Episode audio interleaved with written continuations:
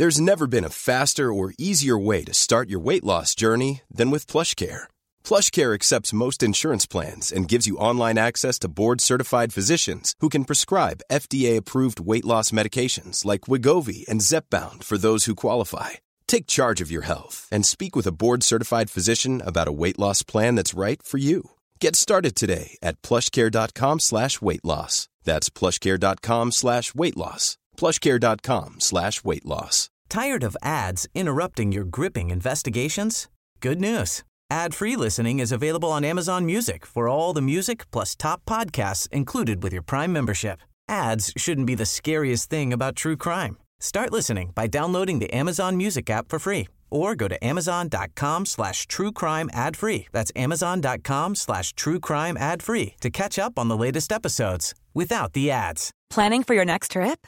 Elevate your travel style with Quince. Quince has all the jet setting essentials you'll want for your next getaway, like European linen, premium luggage options, buttery soft Italian leather bags, and so much more. And is all priced at 50 to 80% less than similar brands. Plus, Quince only works with factories that use safe and ethical manufacturing practices. Pack your bags with high-quality essentials you'll be wearing for vacations to come with Quince. Go to quince.com/pack for free shipping and 365-day returns.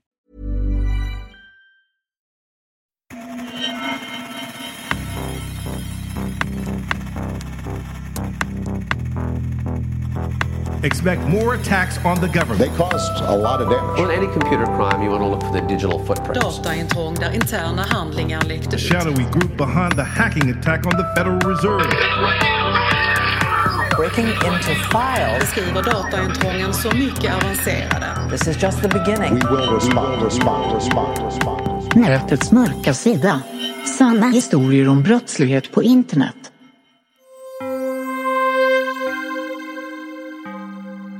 Tänk vad man kan göra med ett personnummer ändå. Det var tanken som flög genom huvudet på polisen Rickard Sandström där han satt mitt emot en rödögd Pernilla Norvall och antecknade hennes berättelse så noggrant han kunde. Den här tjejen verkade helt desperat. Hon satt hopsjunken och alldeles blek på pinnstolen mitt emot honom i det grönmålade förhörsrummet som lystes upp av två lågenergilampor i taket. När Rickard fick höra Pernillas historia om hur någon hade använt sig av hennes personnummer och inloggningsuppgifter för att ställa till med oreda i hennes liv så hade han först nästan lite svårt att tro på henne. Svårt att tro på att det var sant, att det var så enkelt att förstöra någons liv så totalt att det enda som fanns kvar var en rödgråten spillra i ett grönmålat förhörsrum. Vad var det som hade hänt med Pernilla då? Hur kunde hon gå från en helt vanlig löneadministratör till det här? Det började med ett kravbrev som damp ner i brevlådan hemma hos Pernilla några månader tidigare. Pernilla plockade upp kuvertet och brevlådan och öppnade det när de kom innanför dörren i köket i Hellens lilla tvåa på Hertsön i Luleå. I brevet stod det att företaget Ferratum inte hade mottagit någon betalning för hennes senaste faktura och att hon nu hade fått en påminnelseavgift på 400 kronor, vilket ökar den totala summan som skulle betalas till 2674 kronor. Pernilla fattade absolut ingenting. Vad sjutton var Ferratum för något? Och varför skulle hon betala pengar till dem? Och för vad? Hon satt still och var helt perplex en stund på den gamla slitna köksstolen i köket innan hon plockade fram telefonen och googlade på Ferratum. Den första sidan hon hamnade på när hon skrev in Ferratum på Google, det var Ferratum Banks egen hemsida om sms-lån. Där syntes det tydligt att man snabbt och enkelt kan låna upp till 45 000 kronor via sms till en effektiv årsränta på 47,64 procent. Men herregud, vad är det här? tänkte Pernilla och googlade vidare. Hon hamnade ganska snabbt på Flashback forum där flera användare var upprörda över de dåliga villkoren hos Ferratum och när hon scrollade igenom inläggen på Flashback så fastnade hon på ett inlägg av användaren Rövhatt 147. Där stod det så här. Jag har blivit blåst. Någon anonym jävel har använt mitt personnummer för att ta sms-lån hos fyra olika långivare för över 200 000 spänn. Vad ska jag göra? Borde det inte vara förbjudet att kunna ta sådana höga lån utan någon ordentlig säkerhetskoll? Vad tusan ska jag göra? Pernilla kände plötsligt hur någonting stelnade till inne i henne. Plötsligt, som ett mynt som trillade ner, så insåg hon vad som hade hänt. Det var ju precis samma sak som Rövhatt 147 på Flashback hade råkat ut för, som hade drabbat henne också. Pusselbitarna passar ju ihop. Och kravbrevet från Ferratum Bank för den obetalda fakturan, det var bara det första steget i en lång trappa som skulle komma att dyka upp inom de närmaste veckorna. Först dök det upp ytterligare fem kravbrev för obetalda månadsavbetalningar på ännu fler sms-lån som någon hade tagit i hennes namn. I panik försökte Pernilla ringa upp flera av företagen som hade gett ut lånen. Men det visade sig vara lättare sagt än gjort. Hos tre av bankerna kom hon aldrig vidare från telefonkön till att prata med en verklig person trots att hon väntade tålmodigt i flera timmar och hos de två sista var personalen helt oförstående till vad som hade hänt. De var helt ovilliga att ens försöka hjälpa henne. Ångesten steg i bröstet på Pernilla och hon kände att hon var tvungen att få lite luft innan hon kunde börja fundera på vad hon skulle ta sig till. Hon gick ut på balkongen och tittade ut över snön som låg på marken på gården utanför hennes lägenhet. Det var egentligen en helt vanlig mörk och kall februaridag i Luleå, men för Pernilla så var det här den värsta dagen i hennes liv. Hon kände sig så utnyttjad, så smutsig på något vis. Varför hade hon inte kunnat skydda sig mot det här? Vad skulle hända nu? Skulle hon hamna hos Kronofogden? Skulle hon hamna i fängelse? Tankarna bara snurrade i huvudet på Pernilla och det kändes nästan som att hon skulle svimma. När hon klev in i lägenheten igen gick hon in i vardagsrummet och slängde sig på soffan. Åh, jag måste tänka på något annat en stund, tänkte Pernilla och plockade fram sin telefon och började bläddra på Instagram. Den lilla brevsymbolen uppe i högra hörnet visade att hon hade nya PM, så hon klickade på den och möttes av säkert 25 olika meddelanden från helt olika personer på hennes kontaktlista. Pernilla klickade på det första meddelandet som var från Madde, hennes kompis från yogagruppen på onsdagar, som förvånat frågade varför hon hade skickat fem meddelanden på samma gång där hon bad att Madde skulle swisha tusen kronor till henne. Nästan utan att tänka svarade Pernilla direkt att det måste ha blivit något fel. Hon hade inte skickat något meddelande till Madde sedan förra onsdagen och det handlar ju bara om att de skulle cykla tillsammans till yogagruppen och klickade på nästa meddelande i listan. Det var från Peter, hennes chef. Han undrade varför hon bad honom swisha tusen kronor. Paniken som förut hade tvingat ut henne på balkongen började nu utvecklas till en fullständig panikångestattack. Det kändes som att hon inte kunde andas. Eller faktiskt så kändes det som att hon skulle dö. Hjärtat bankade stenhårt och snabbt i bröstet och hela världen bara snurrade runt omkring henne. Hon slängde ifrån sig telefonen och ramlade ihop på mattan i vardagsrummet. Och hon ville skrika, men hon fick ingen luft. Tårarna bara rann och hon kunde knappt se något alls. Och där blev hon liggande i nästan tio minuter med den värsta dödsångest hon någonsin hade känt innan hon till slut satte sig upp och plockade upp mobilen igen.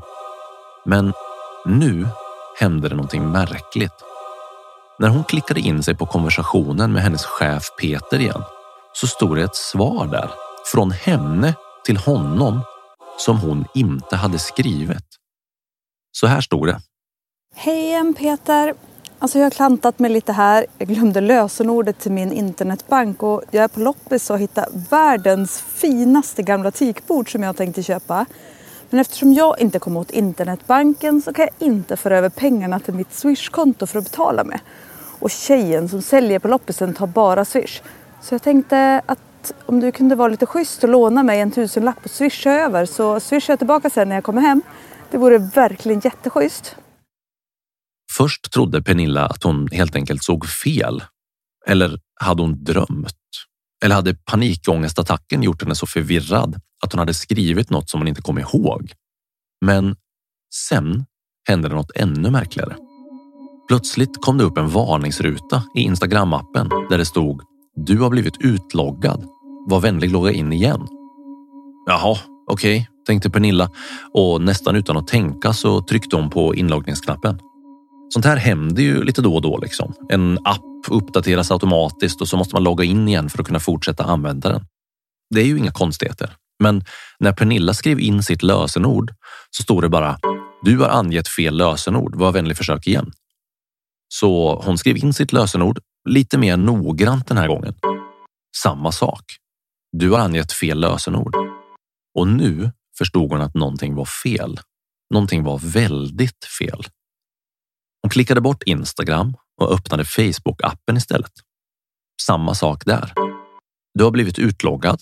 Var vänlig ange användarnamn och lösenord igen för att logga in och sen du har angett fel lösenord. Var vänlig försök igen. Nu smög sig panikångesten på igen och det började bli svårt att andas. Hon stängde Facebook och öppnade Gmail istället. Samma sak där.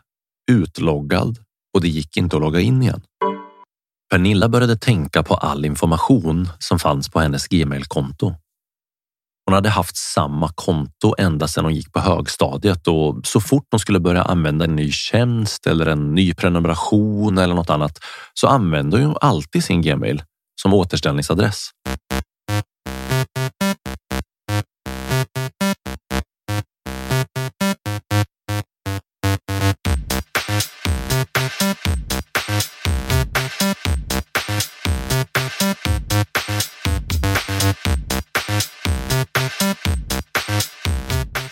Efter ett dygn av täta panikångestattacker och en allmän känsla av hopplöshet så lyckades Pernilla samla sig tillräckligt mycket för att ta till motåtgärder. Hon gjorde flera polisanmälningar. Hon ringde till kreditupplysningen för att se vilka lån som hade tagits i hennes namn. Hon lyckades spärra sitt personnummer och hon kontaktade Instagram, Facebook och Gmail för att få tillbaka kontrollen över sina konton. Men då kom nästa slag i ansiktet. Det började dyka upp brev efter brev med fakturor för saker som hon aldrig hade köpt. Det kom fakturor i brevform till postlådan, men också till Klarna-appen på hennes telefon. Någon hade köpt alla möjliga prylar, alltifrån en sprillans ny iPhone till sportstrumpor online i hennes namn med hjälp av hennes personnummer. När hon ringde upp bolagen som hade sålt prylarna var de flesta betydligt mer tillmötesgående än snabblåneföretagen. Men det var ändå ingen lätt uppgift att få ordning på alla beställningar som den här bedragaren hade gjort.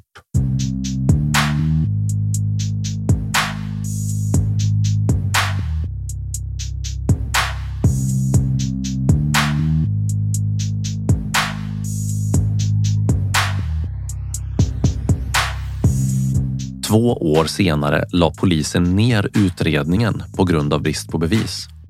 Vid det laget så var det bara skulderna till två av sms-låneföretagen som fortfarande inte var lösta.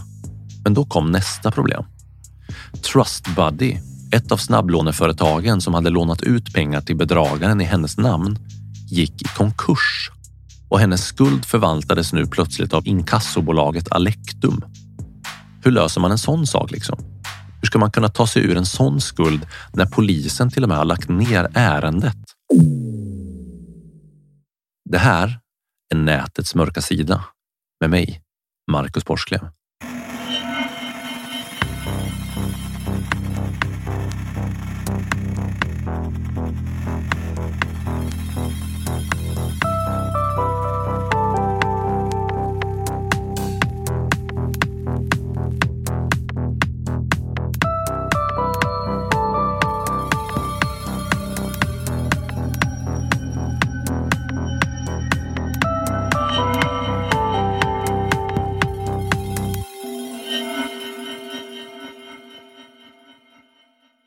ID-kapning är ju egentligen inget nytt fenomen.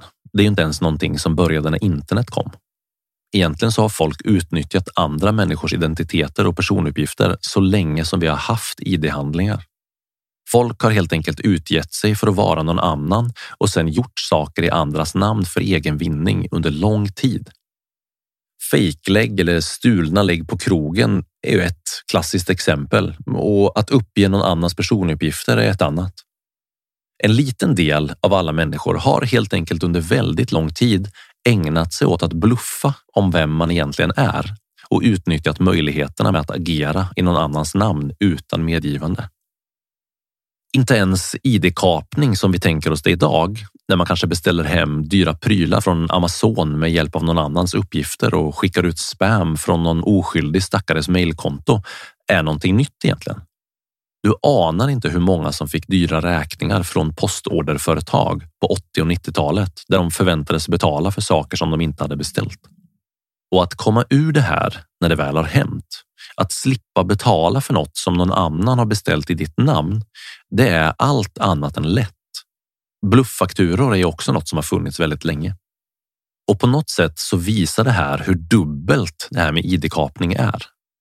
Å ena sidan är det verkligen enkelt att luska ut någon annans personnummer och beställa saker hejvilt i den här personens namn.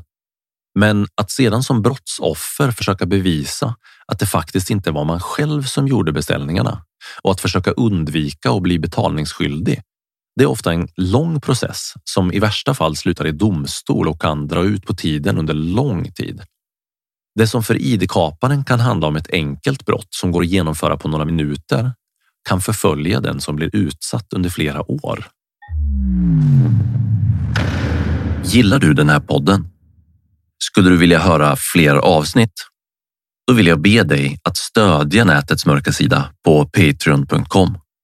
Som Patreon så får du tillgång till mängder med exklusivt material som till exempel unika bonusavsnitt som inte är tillgängliga för allmänheten behind the scenes videos, merchandise och en massa annat kul. Men framför allt så hjälper du mig att göra fler och bättre avsnitt genom att stödja podden på Patreon. Jag lägger ner någonstans mellan 30 till 60 timmar per avsnitt för att skriva manus, göra research, spela in, komponera musik och redigera. När du stödjer nätets mörka sida på Patreon så bidrar du till att jag kan fortsätta göra intressanta avsnitt som du kan lyssna på. Gå in på www.patreon.com natets mörka sida och upptäck allt som du får tillgång till som Patreon. www.patreon.com natets mörka sida. Länken finns också i infotexten till varje avsnitt av podden. Tack för ditt stöd.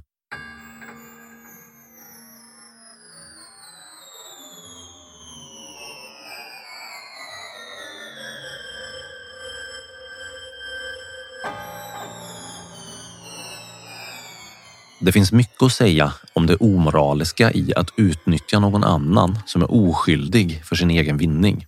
Men vi borde bena ut vad identitetskapning egentligen är innan vi går vidare.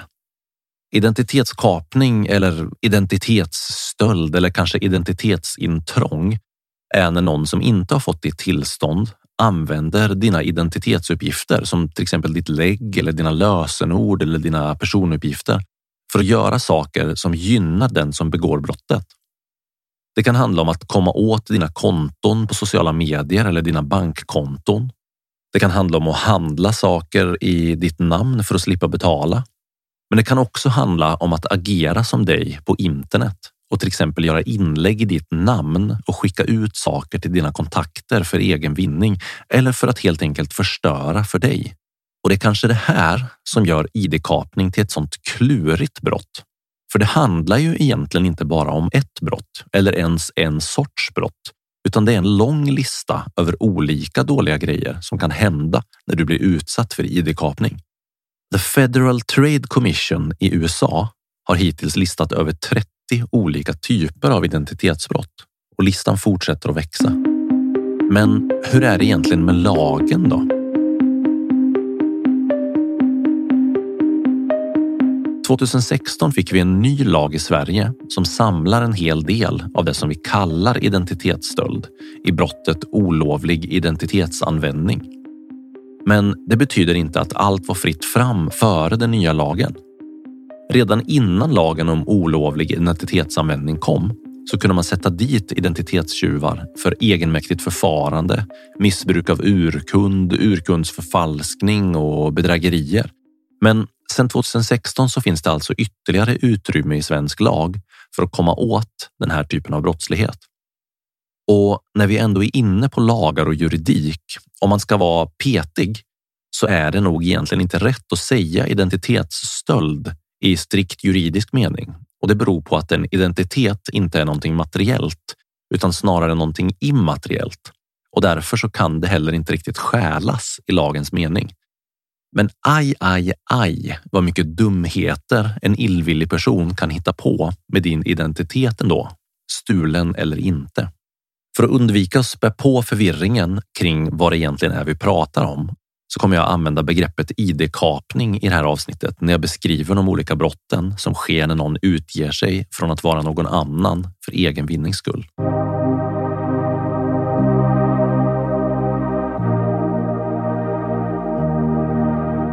Hur utbrett är det här problemet med ID-kapning egentligen?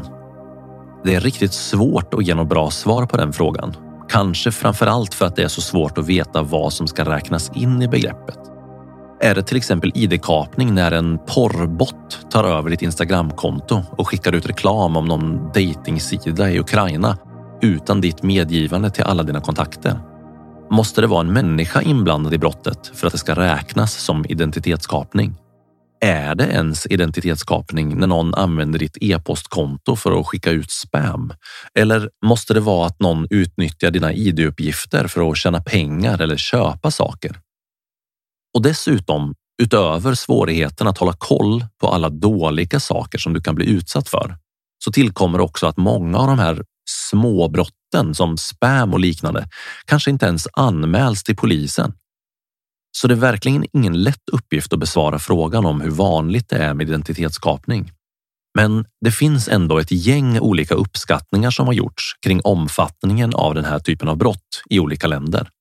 Den brittiska polismyndigheten uppskattar att ID-brott ökar hela tiden och uppgår till ett par miljarder pund per år.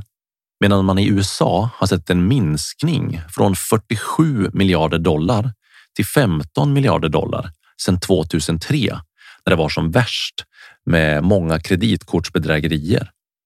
Men efter att kreditkortsbolagen och polismyndigheterna i USA vidtog starka åtgärder mot id-brottslighet så minskade omfattningen där. Hur är det i Sverige då? Ja, i Sverige är situationen en annan.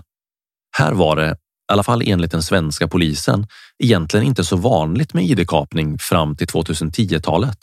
Och det skulle kunna bero på att vi haft ett ganska hårt kontrollsystem där endast verifierbara legitimationshandlingar har godkänts och att vi i stort sett överallt har behövt slå in pinkoder till våra konton och kreditkort för att kunna använda dem även för mindre summor som att köpa en liter mjölk på Ica. Men en bit in på 10-talet så började någonting hända även här i Sverige. Plötsligt dök det upp fler och fler bedrägerier med stulna eller förfalskade kontokort. Fler och fler förbrytare började beställa nya kontokort i andra människors namn bara för att hålla vakt vid deras brevlådor och fiska upp kortet utan att kontoinnehavaren märkte någonting. Och samtidigt som de här analoga metoderna för id-kapning ökade rejält i Sverige så fullkomligt exploderade omfattningen på id-brott online och mörkertalet är riktigt stort här. Idag, 2021, så verkar det både som att internetbedrägerier med människors id-handlingar ökar men också att mer traditionell id-kapning via kontokort, post och legitimationer fortfarande finns kvar i ganska stor omfattning.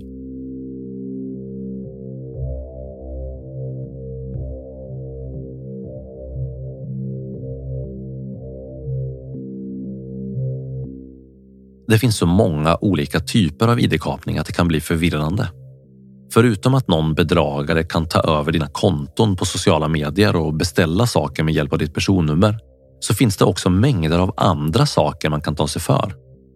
Istället för att själv använda dina konton på sociala medier så är det ganska vanligt att man helt enkelt säljer vidare dina inloggningsuppgifter till någon annan som till exempel vill använda andras konton för att skicka ut spam. Att skapa nya konton med hjälp av dina personuppgifter är en annan bluff som är ganska vanlig till exempel för att kunna teckna telefonabonnemang eller prenumerera på streamingtjänster. Att begå brott i någon annans namn, det blir vanligare och vanligare, även i Sverige. Och samma sak med skattebrott som utförs i någon annans namn.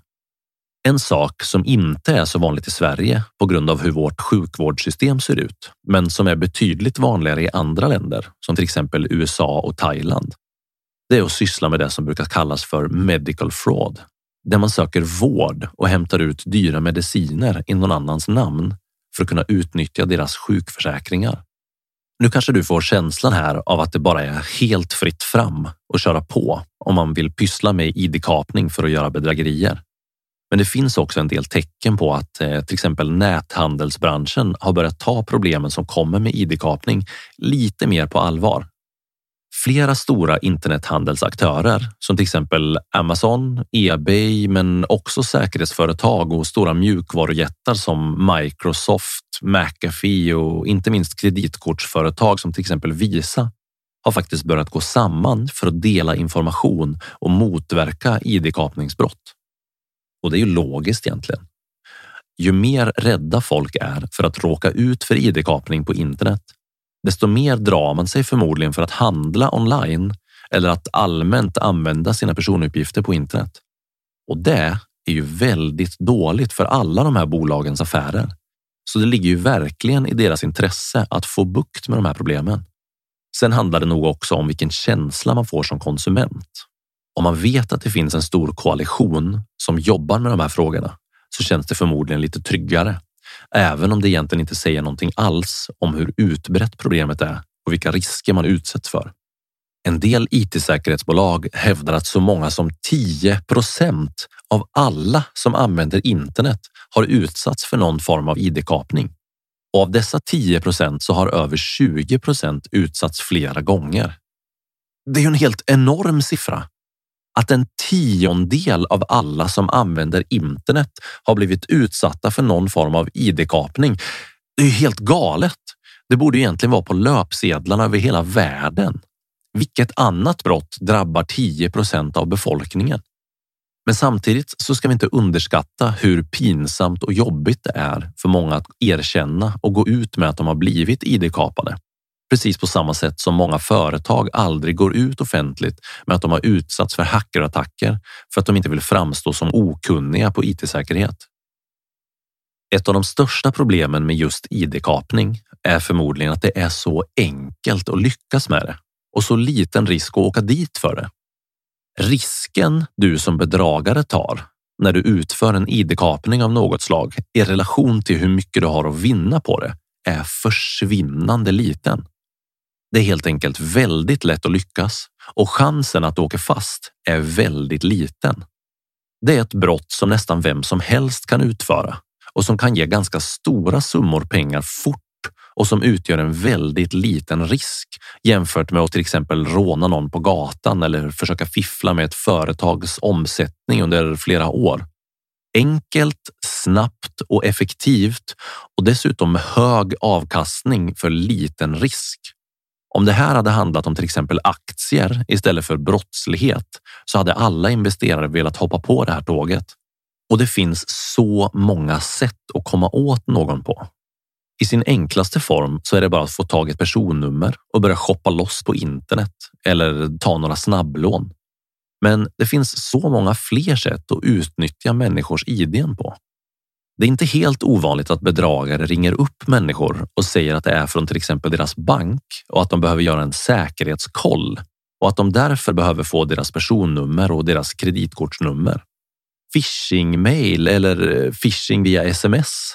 Det är också en vanligt förekommande metod för att komma åt folks personuppgifter. Allt det här är ju sånt som en enskild illasinnad person kan göra helt utan större problem själv. Men det finns också en ännu mörkare sida av det här med id-kapning. Och det är någonting som verkligen är en del av nätets mörka sida. Handel med id-uppgifter på Darknet.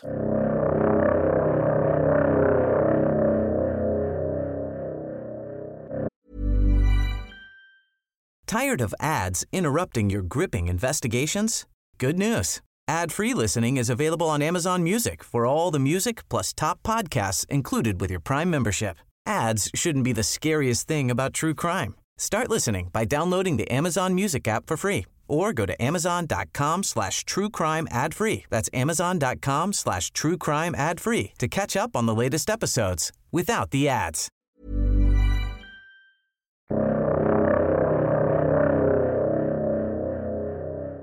Bedragare som är lite mer seriösa när det gäller id-kapning köper och säljer ofta personuppgifter via handelsplatser på Darknet för att sedan använda dem i större bedrägerikampanjer online.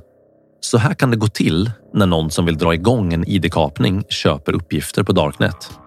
En identitetsbedragare går in på en handelsplats på Darknet som till exempel Dark Fox, Vice City eller, hör och häpna, Alpha Bay som tydligen ligger uppe igen trots den rejält bryska nedstängningen för några år sedan.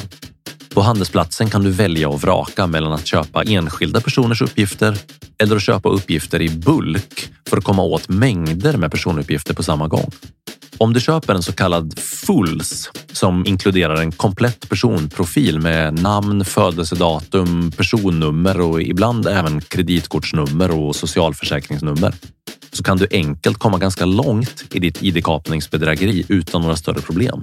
Lägger du några kronor extra så får du ofta tillgång till personens deklarationsuppgifter, bankkontouppgifter, telefonnummer och lite annat smått och gott. Så vad kostar det då? Ja, ju högre kreditvärdighet en person har, desto dyrare blir deras fulls på Darknet. Om du vill göra lite större och mer organiserade bedrägerier, då köper du mycket information på samma gång. Till exempel några tusen kreditkortsuppgifter som är sammanställda i en enda klump i till exempel ett Excel-dokument. Sådana uppgifter kan komma från dataläckor eller hack som har hänt tidigare, som till exempel dataintrånget mot Equifax som exponerade personuppgifter hos över 147 miljoner människor. Det kan också handla om information från så kallade kreditkortsskimmers som samlar in och lagrar kreditkortsuppgifter, till exempel när folk tar ut pengar eller tankar bilen. Om du vill komma åt konton med till exempel tvåfaktorsautentisering så kan det vara bra att kombinera de personliga uppgifterna med så kallade knowledge-based answers. Alltså sådana uppgifter som kan vara svaren på de här säkerhetsfrågorna som dyker upp ibland när man ska verifiera sina konton på olika tjänster. En sån bakgrundskoll eh, kan du enkelt köpa för mellan 10 till 20 dollar per person på Darknet. Kan du dessutom komma åt en persons mobil med till exempel spyware, då har du löst tvåfaktorsautentiseringen ganska enkelt eftersom det väldigt ofta handlar om att en säkerhetskod skickas ut till personens mobil som komplement till att bara logga in med lösenord och användarnamn. Hur länge en viss information har varit ute på Darknet påverkar också priset för informationen. Ju färskare datan är, desto dyrare är den. Ju fler sätt datan kan utnyttjas på, desto dyrare. Och det sjuka här är ju att samma information ofta säljs flera gånger om till olika personer på Darknet. Så har du väl hamnat i en sån här läcka eller i ett sånt här hack där dina id-uppgifter har läckt ut, då är risken ganska stor att det utnyttjas av flera olika aktörer som har köpt din information på Darknet. Nu låter det kanske som att det inte finns något skydd alls mot id-kapning. Att alla löper precis lika stor risk att bli utsatta och att det inte spelar någon roll vad man gör. Men så är det verkligen inte. Det här är visserligen något som kan drabba i princip vem som helst, men det finns faktiskt väldigt många saker som du kan göra för att minska risken för att råka ut för id-kapning. Det är helt sant att det inte finns något sätt alls att skydda sig till 100% mot id-kapning. Men det kan ändå vara värt att se över hur du kan minska risken för att råka ut för det genom att försvåra för bedragarna. Här är några exempel på saker du kan göra för att minska risken för att dina personliga uppgifter kommer att hamna i bedragarnas händer. Undvik att göra alla de här quizen som flyter runt i sociala medier. Ja, du vet de där av den här typen. Vilken personlighetstyp är du? Eller bara 10% av alla människor klarar den här utmaningen.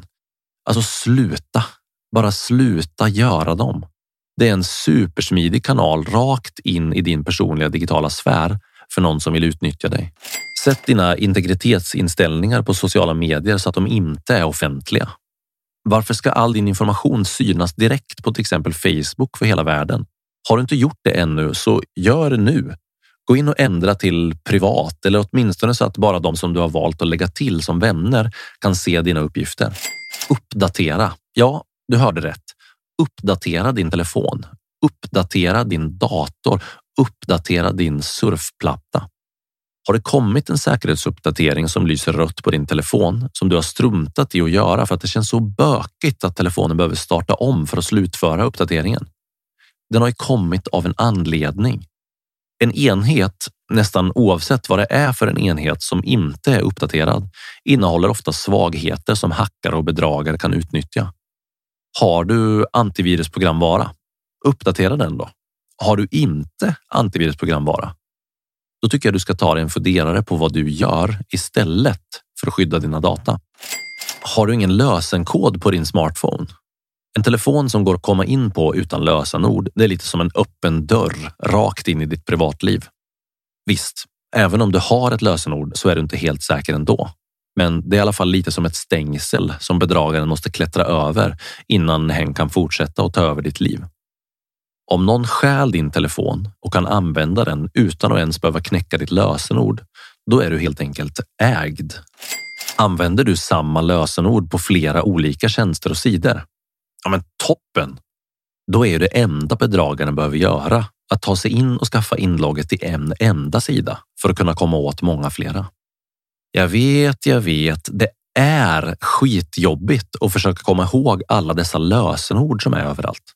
Men det finns faktiskt flera bra lösenordshanteringstjänster som du kan använda som hjälper dig att hålla säkra svårknäckta lösenord utan att behöva hålla allihopa i huvudet. Använder du ofta offentligt wifi?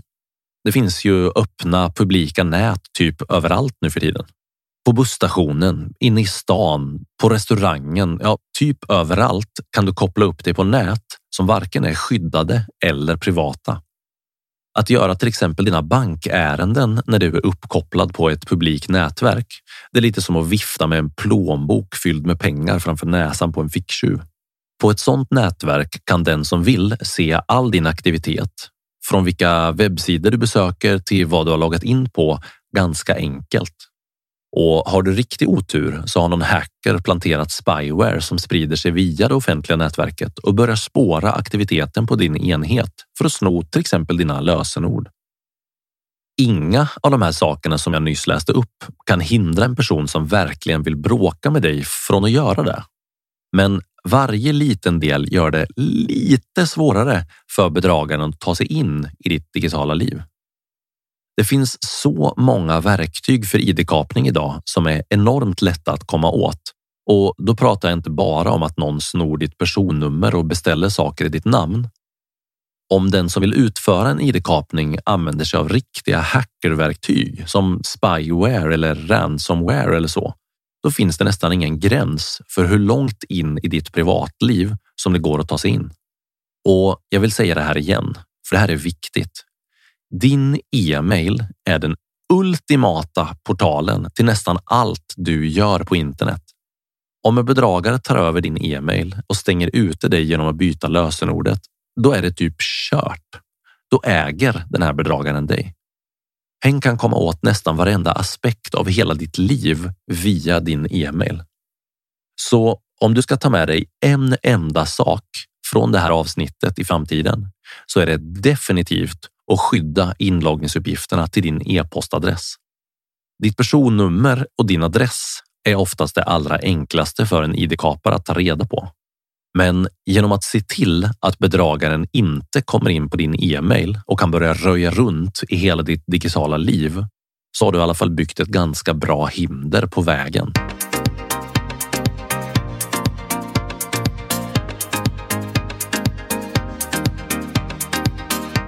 Men hur är det med tvåfaktorsautentisering då?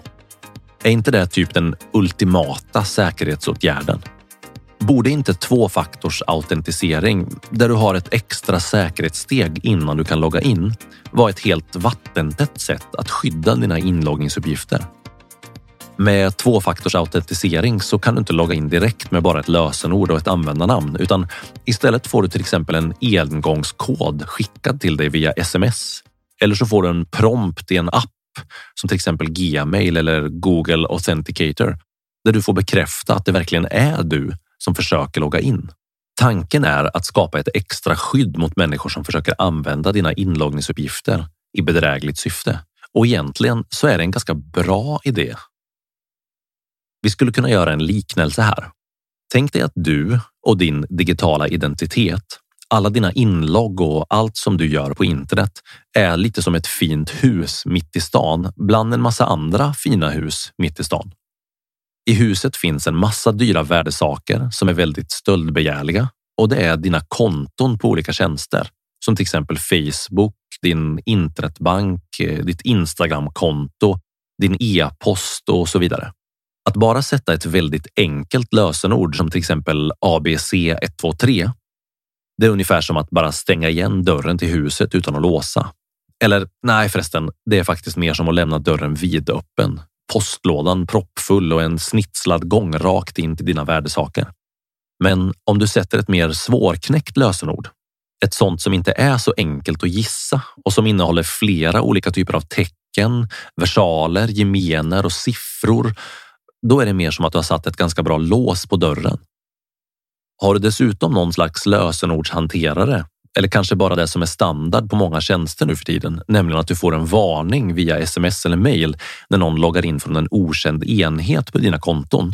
Ja, då är det mer som att du har ett litet stängsel och en arg vakthund som håller koll på ditt hus.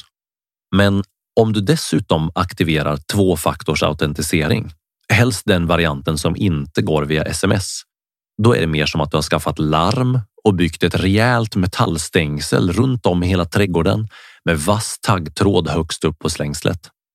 Om vi tänker oss att id-kapare är någorlunda rationella så borde det ju rimligtvis innebära att huset som har en öppen dörr i form av ett ABC 123 lösenord är det som löper störst risk att få inbrott. När en tjuv rekar inför ett inbrott så borde ju ett hus som står helt utan skydd vara ett lättare byte med mindre risk att åka dit än ett hus med flera lager av skydd. Ett hus med bra lås löper förhoppningsvis lite mindre risk för inbrott. En vakthund avskräcker kanske ytterligare och ett rejält metallstängsel med taggtråd på signalerar definitivt att det här är ett ställe som man inte tar sig in i så lätt. Men det finns alltid folk som tar med sig en bultsax och klipper hål i metallstängslet, ger vakthunden en köttbit och dyrkar upp låset. Det finns alltid folk som tar sig in och gör inbrott trots alla säkerhetsåtgärder. Men risken blir förhoppningsvis mindre med fler säkerhetsåtgärder. Den här jämförelsen haltar ju kanske lite eftersom ett väldigt välbevakat hus också signalerar att det finns saker där inne som är värda att stjäla. Och det är väl kanske inte riktigt så med ditt e-mailkonto eller ditt inlogg till Facebook, men ändå. Det jag vill få fram här är att det är värt att skaffa sig flera lager av säkerhet.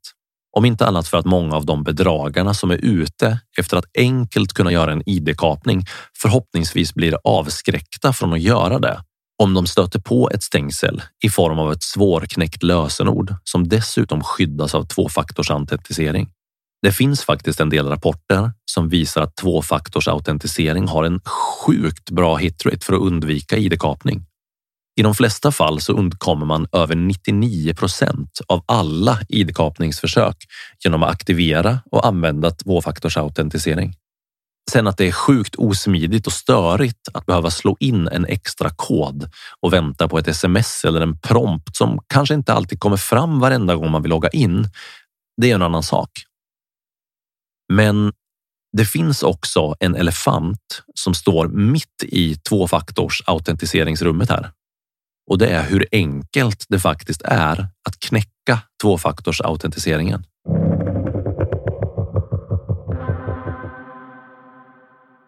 Det går faktiskt att komma runt tvåfaktorsautentisering ganska enkelt och på flera olika sätt dessutom för den som verkligen vill göra det. Här är några exempel på hur det kan gå till. Den sämsta formen av tvåfaktorsautentisering det är nog den som använder en engångskod som skickas via sms till användaren. Varför är det så dåligt då? Så dåligt att till och med Microsoft faktiskt avråder från att använda det för tvåfaktorsautentisering.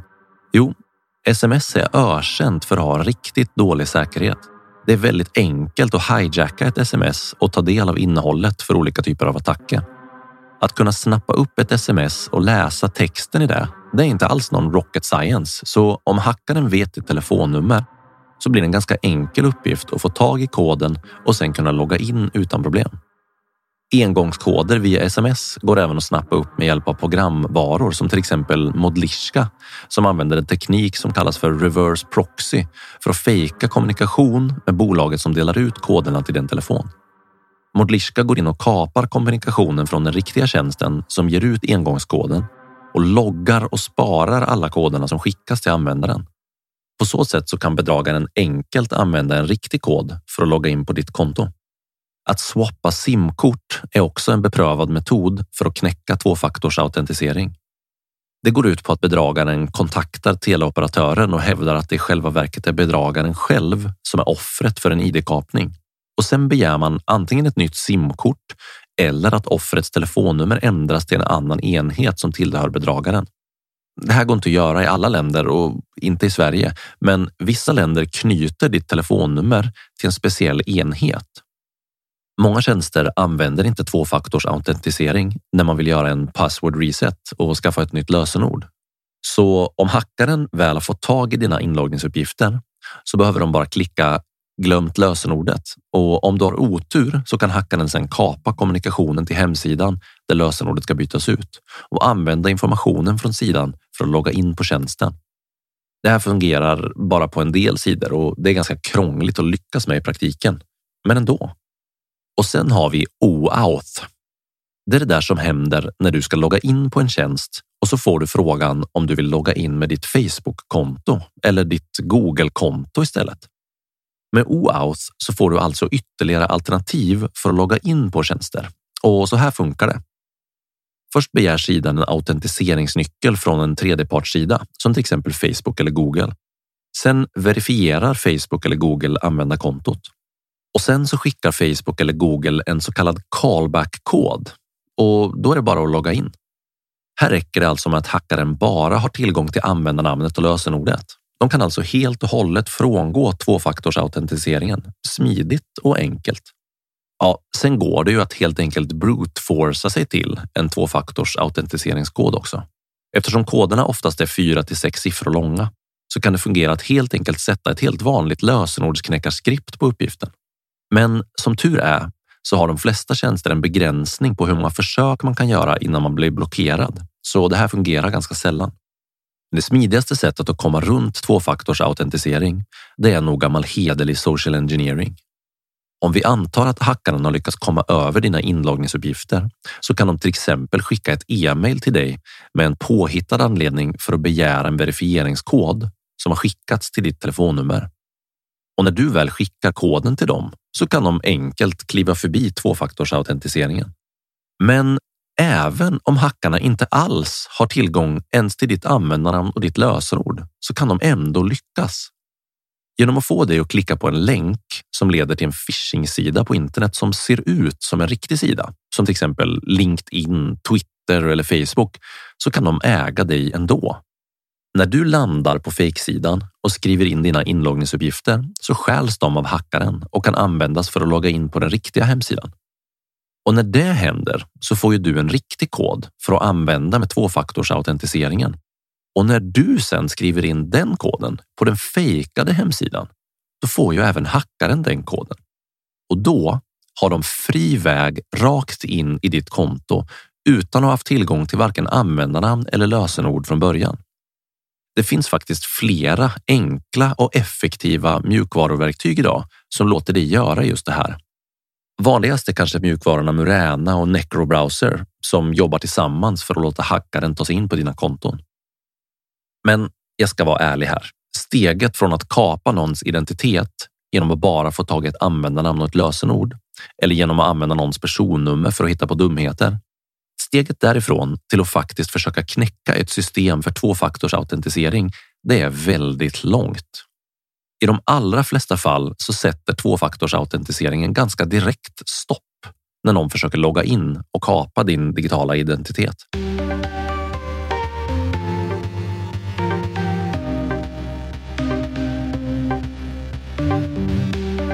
Jag vill avsluta det här avsnittet med en tanke på en del av de som är äldre i vårt samhälle och de som kanske allmänt inte har så bra koll på sina datorer. Jag tänker på de som inte har så stor datorvana och kanske ofta inte heller har med sig något särskilt säkerhetstänk kring hur man använder datorer, smartphones och surfplattor. Det är de som ofta enkelt faller offer för olika former av id-kapning. Och detsamma gäller för de som inte har kunskapen eller förmågan att agera säkert på internet. Jag vill uppmana dig som lyssnar på den här podden och som förhoppningsvis har ett säkerhetstänk kring det du gör online oavsett din ålder och hjälpa dem som inte vet lika mycket som du för att skydda dem helt enkelt. Nästa gång som du hälsar på din gamla mamma, din farmor, mormor, morfar eller farfar som kanske inte har 100% koll på hur deras digitala enheter funkar. Ja, men hjälp dem att bli lite säkrare då. Lillebrorsan som kanske precis har fått sin första smartphone. Han kanske behöver lite hjälp att styra upp sitt inlogg till TikTok. Kollegan på jobbet kanske behöver lite råd kring vad som funkar att klicka på i e-mails från okända personer.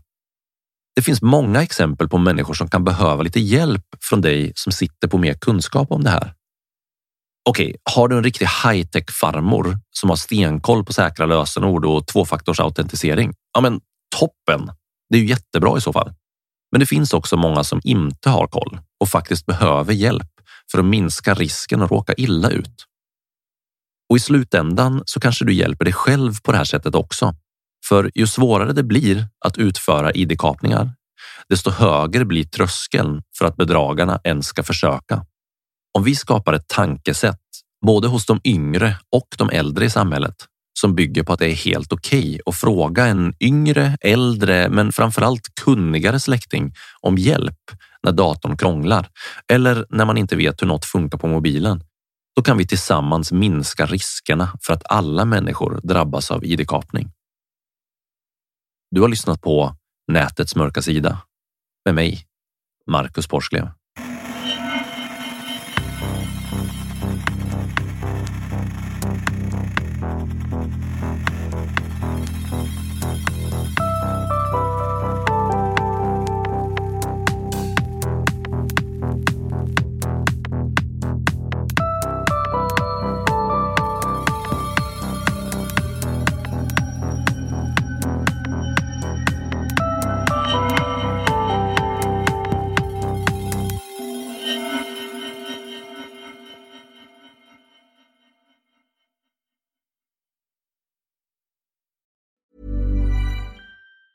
Planning for your next trip?